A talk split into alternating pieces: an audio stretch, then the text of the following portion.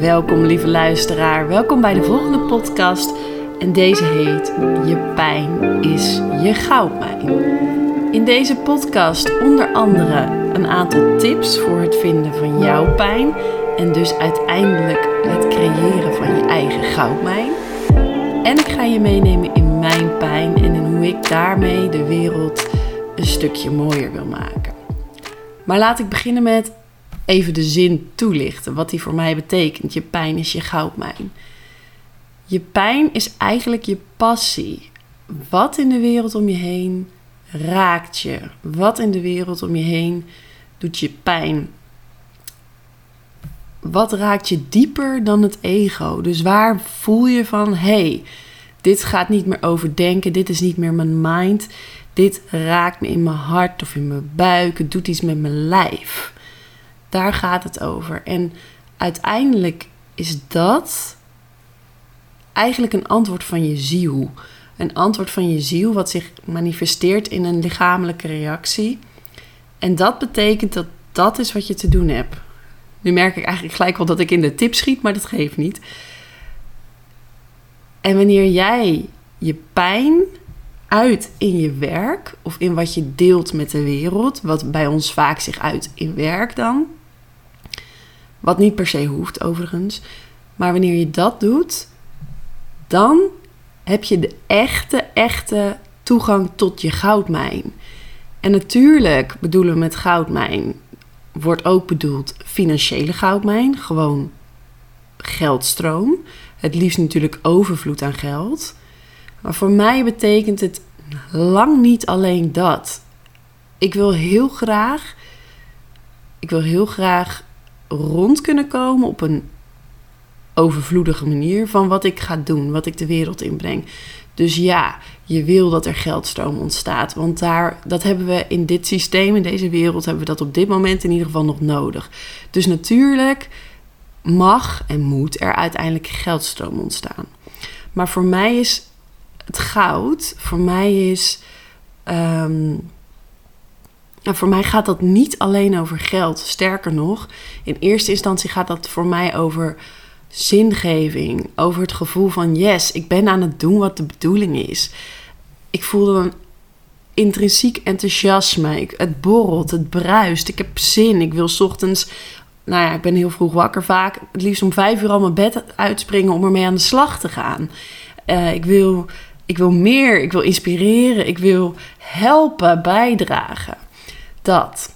Dat is voor mij ook mijn goudmijn. En het is leven in overvloed waarbij dus geld een onderdeel is, maar ook overvloed aan bijvoorbeeld tijd, overvloed aan mezelf kunnen zijn, overvloed aan ehm, tijd met het gezin, overvloed aan beweging. Dat is voor mij belangrijk. Overvloed aan natuur. Dus het gaat over meer, veel meer, voor mij althans, dan puur en alleen materie en geld.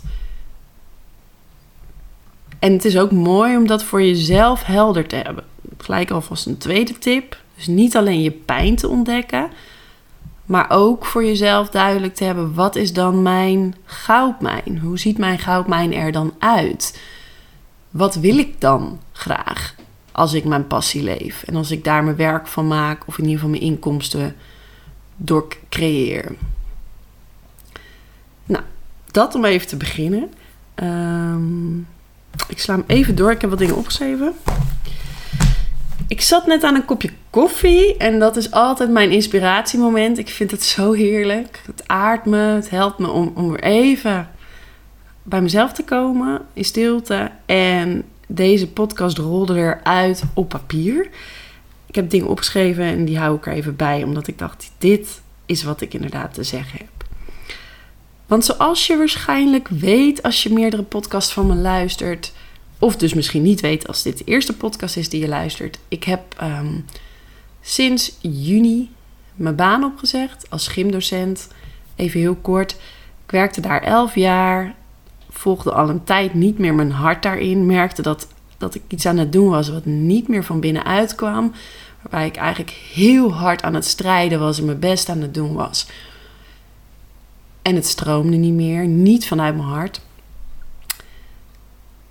En ik besloot om uiteindelijk na een periode van achteraf gezien, denk ik eigenlijk toch burn-out, in ieder geval ver overspannen, um, besloot ik mijn baan op te zeggen, omdat ik heel zeker wist als ik hierin terug ga, want ik mocht ook reïntegreren natuurlijk. En ergens dacht mijn hoofd dat is verstandig, maar ik wist diep in mijn hart als ik hier terug ga, word ik niet beter. Sterker nog, is de, alles wat ik nu in werking heb gezet in transformatie mezelf, kan ik eigenlijk weer een soort van weggooien. Want dan ga ik toch weer in het oude, trek ik weer de jas aan. Nou, dat. Dus ik ben op onderzoek geweest, al heel lang, echt al jaren, misschien al wel vijf, zes jaar. Maar die is, dat onderzoek is het laatste jaar in stroomversnelling gegaan. En sindsdien ben ik een aantal jaar geleden trouwens kreeg ik, of een jaar misschien pas, maar toen hoorde ik die zin: je pijn is je goudmijn. En die was voor mij dus heel verhelderend, omdat ik toen besefte: oké, ja, maar wat doet mij dan pijn in de wereld om me heen en wat heb ik daar dan te doen? En wat ik me dus besef, steeds meer en meer, is dat wat mij echt pijn doet op een diep niveau, is hoe de systemen op dit moment in elkaar zitten. Uit mijn eigen praktijk van wat ik heb gezien, gewoon de afgelopen elf jaar, is dat vooral het schoolsysteem. Schoolsysteem, ik heb daar ook een podcast al eerder over opgenomen, denk twee jaar terug. Die staat op van overleven naar leven. Die heet um, vastlopen in het schoolsysteem. Maar dat is een systeem waarin ik natuurlijk helemaal zat en die achteraf gezien mij enorm veel energie heeft gekost en dat systeem doet me pijn. Ik zal zo uitleggen waarom. Het is niet alleen dat systeem, het is wat mij betreft het systeem van hoe het nu überhaupt in elkaar zit in de wereld, waar ik niet, me niet in thuis voel, waarvan ik heel veel voel dat dingen niet kloppen en niet meer passen.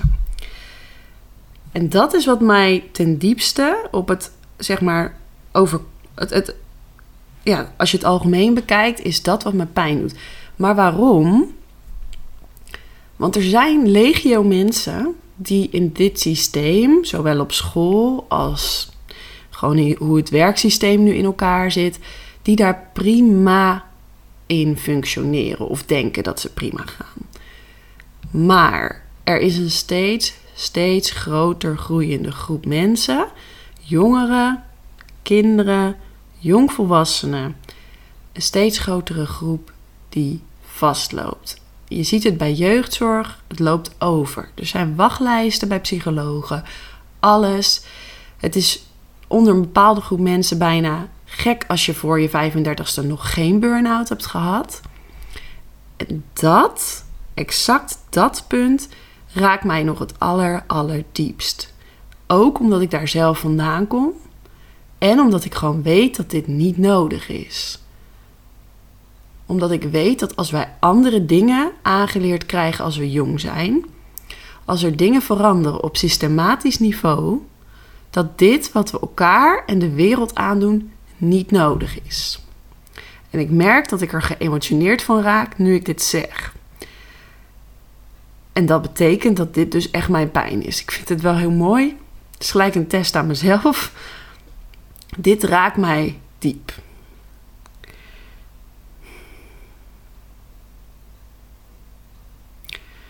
Want waarom moeten we fucking, pardon voor het woord, waarom moeten we eerst burn-out gaan om te ontdekken wat onze passie is of dat het niet werkt wat we doen?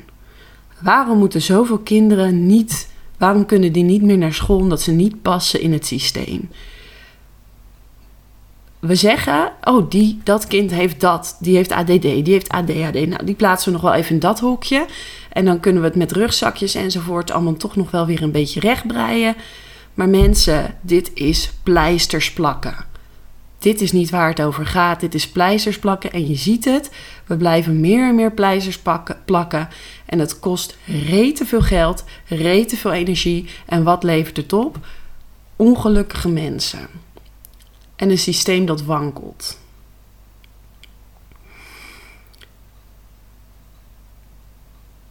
En het zijn veelal mensen die gevoeliger zijn dan de gemiddelde persoon.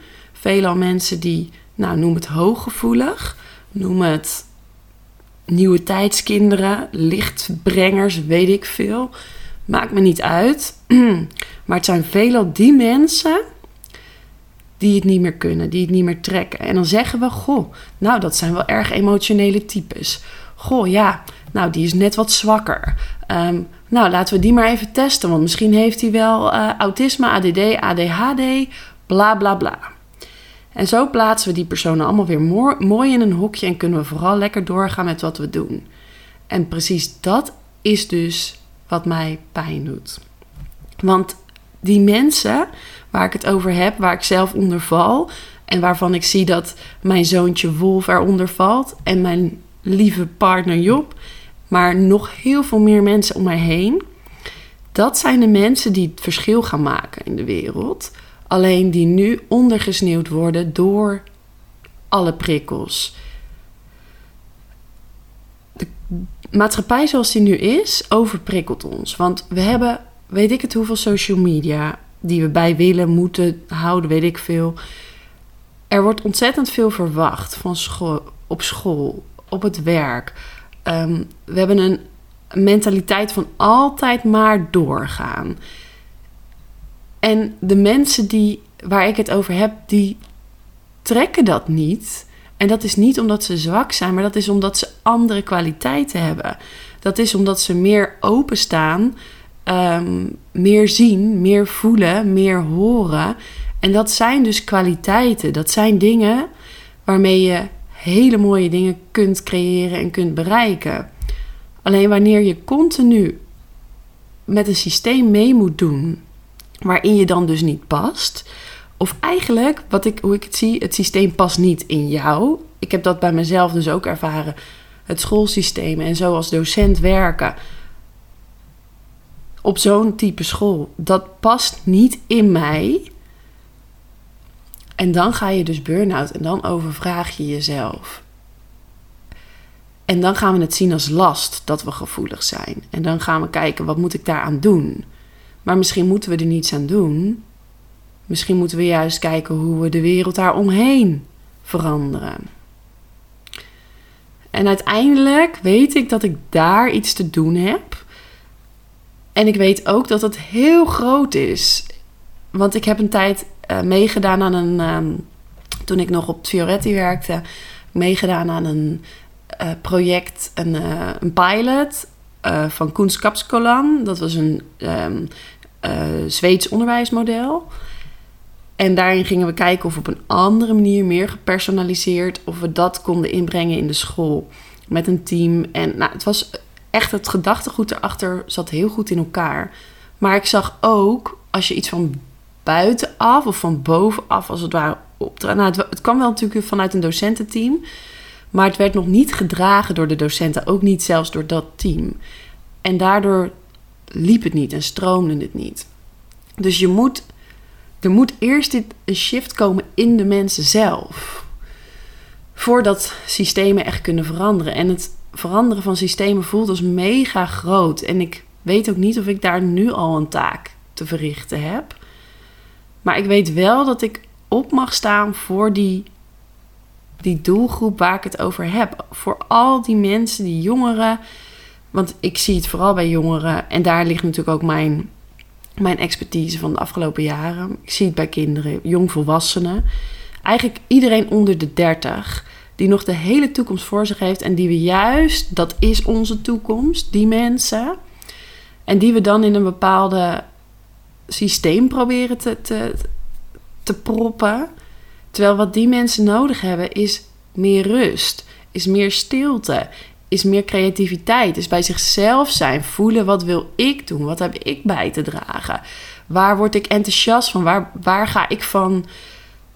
Weet je, iedereen heeft iets, maar iedereen, of heel veel mensen vergeten het, omdat we de busopstelling al leren vanaf groep 3.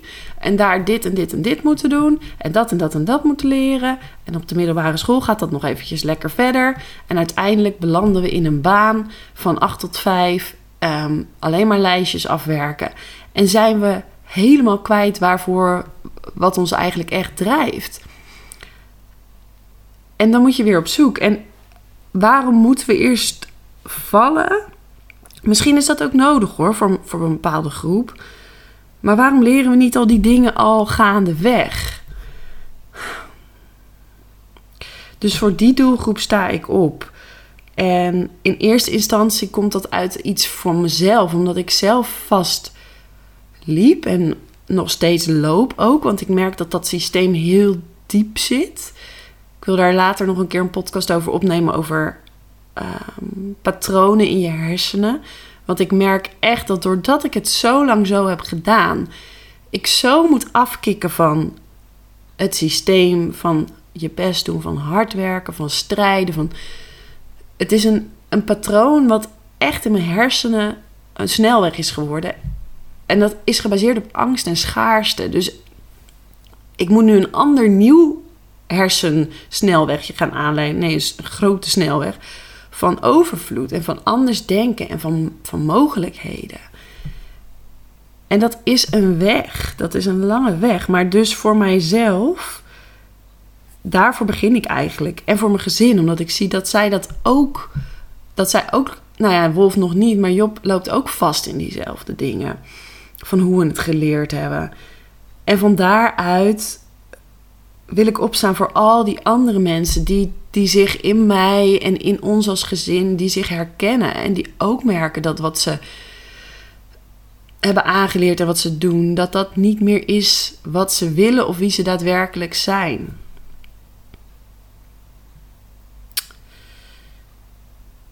Ja, en dan is natuurlijk de vraag: hoe begin je bij zoiets? Nou, ik heb dus besloten nu eerst te starten met de doelgroep zelf. Dus die mensen die zich in mij herkennen.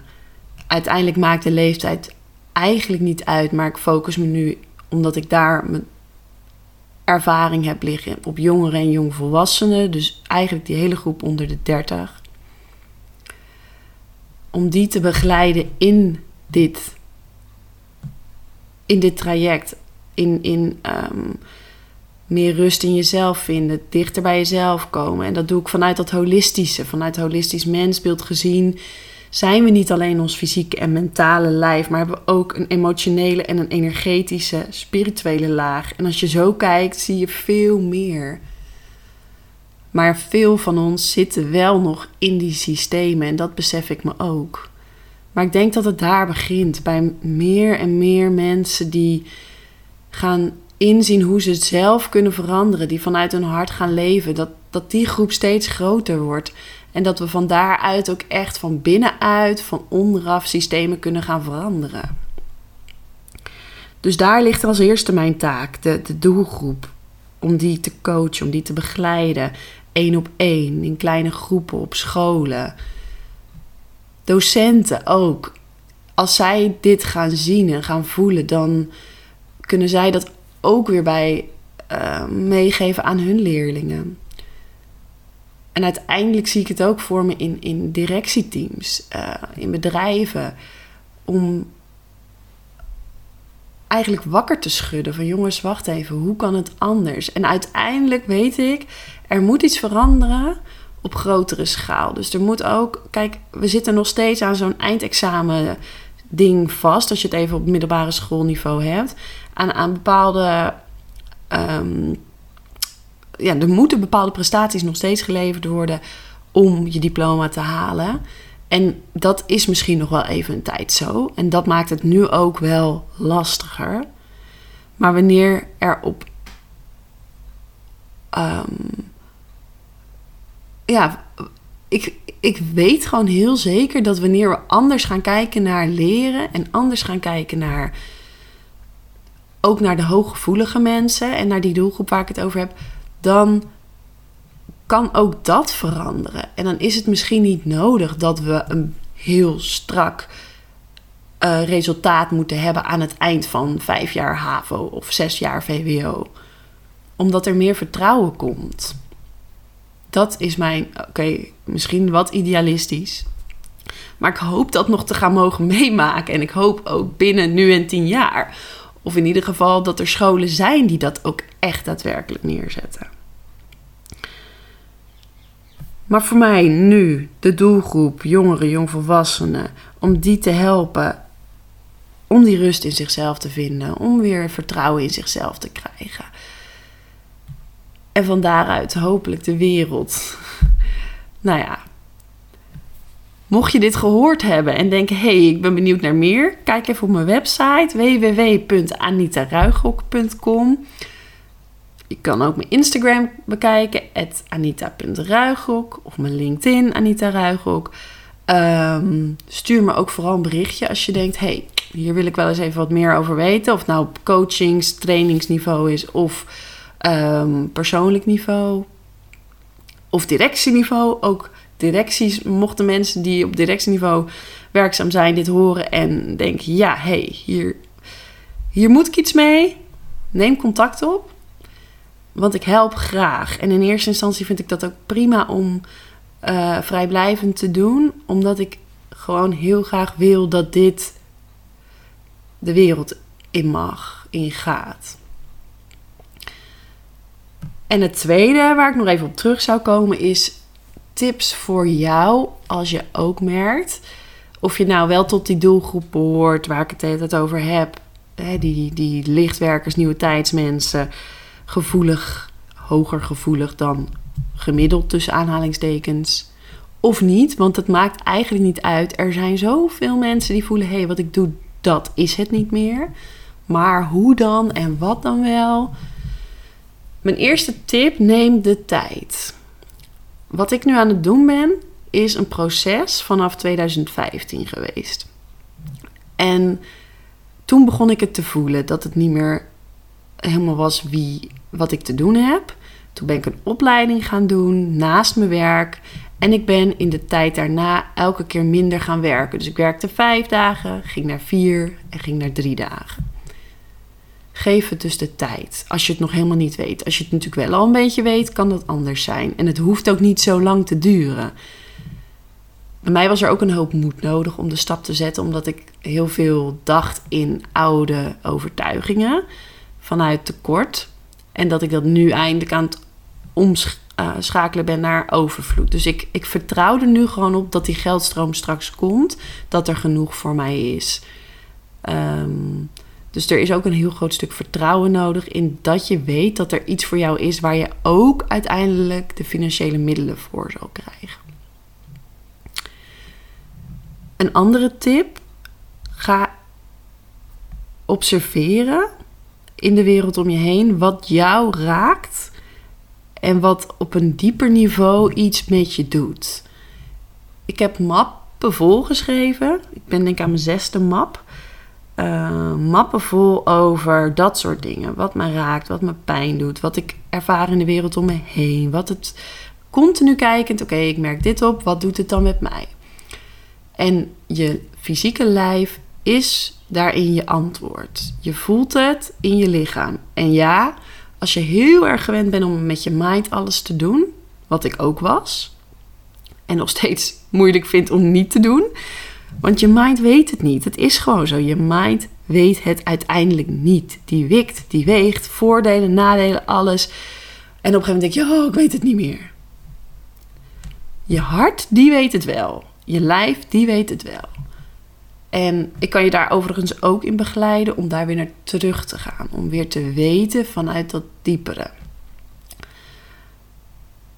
Schrijven, observeren, wat doet het met je? En het is niet van vandaag op morgen als jij heel erg gewend bent om in je hoofd te zitten en om altijd alles met je mind te doen, dan kost ook dit misschien wat tijd. Laat je er dan ook in begeleiden als je wil dat, dat dit sneller gaat. Vraag iemand Neem een coach, vraag een, een goede vriend, stuur mij een berichtje, maar laat je begeleiden om tot jouw eigen antwoorden te komen. En mijn laatste tip is: wanneer je je onzeker bent over je geldstroom, wat ik begrijp, want dat is iets geweest waardoor ik ook heel lang niet heb gedaan. Ik dacht, nou ja, zelfs met drie dagen werk verdien ik eigenlijk nog heel veel. Relatief gezien, wat veel is, is natuurlijk, maar ik verdiende gewoon echt prima met drie dagen. Dat zeg je toch niet zomaar op. En misschien verdien je met vijf dagen wel echt lekker. Denk je, ja, hè, uh, pensioen en nou, dat is heel herkenbaar. Ga kijken hoe je je uitgaven kunt minimaliseren. Wij hebben expres gekozen om klein te blijven wonen in het huis waar ik nu al tien jaar woon. Wat echt wel een beetje krap is met z'n drieën. Waarvan we ook wel zoiets hebben dat mag gaan veranderen. Maar bewust gekozen omdat de hypotheek laag is en omdat we daardoor dit kunnen doen. Dat ik deze stap kan zetten, want de lasten zijn niet hoog. Job kan drie dagen werken omdat de lasten niet hoog zijn. We hebben onze camperbus de deur uit gedaan en hebben besloten om nu eerst even zonder auto te doen. Misschien een elektrische fiets te kopen, omdat we daarmee de lasten lager houden. En het is niet dat dat dan ons hele leven zo moet zijn, maar voor nu geeft dat een bepaalde rust. Uh, en er zijn altijd dingen die je anders kunt doen in je uitgavenpatroon. Wij zijn bijvoorbeeld voor onze reis naar uh, vier jaar geleden uh, wilden we een mooie reis maken naar Nieuw-Zeeland, Australië, Nepal. En we hadden bedacht, daar willen we 20.000 voor opzij zetten. We hebben dat in één jaar tijd gespaard met onze leraren lonen. Hoe deden we dat? Elke maand zetten we allebei 800 opzij. Dat kon, maar we gingen niet meer uit eten. We gingen niet meer, bijna niet meer naar terrasjes. We spaarden dat met een doel, want dan kunnen we dat straks doen. En als je een doel hebt, is dat niet zo moeilijk meer. En hoe losten we het op? We bestelden af en toe een pizza, of we maakten zelf een pizza en we creëerden ons eigen restaurant thuis. Um, we, we kochten de, af en toe wel een goede fles wijn en daar genoten we van.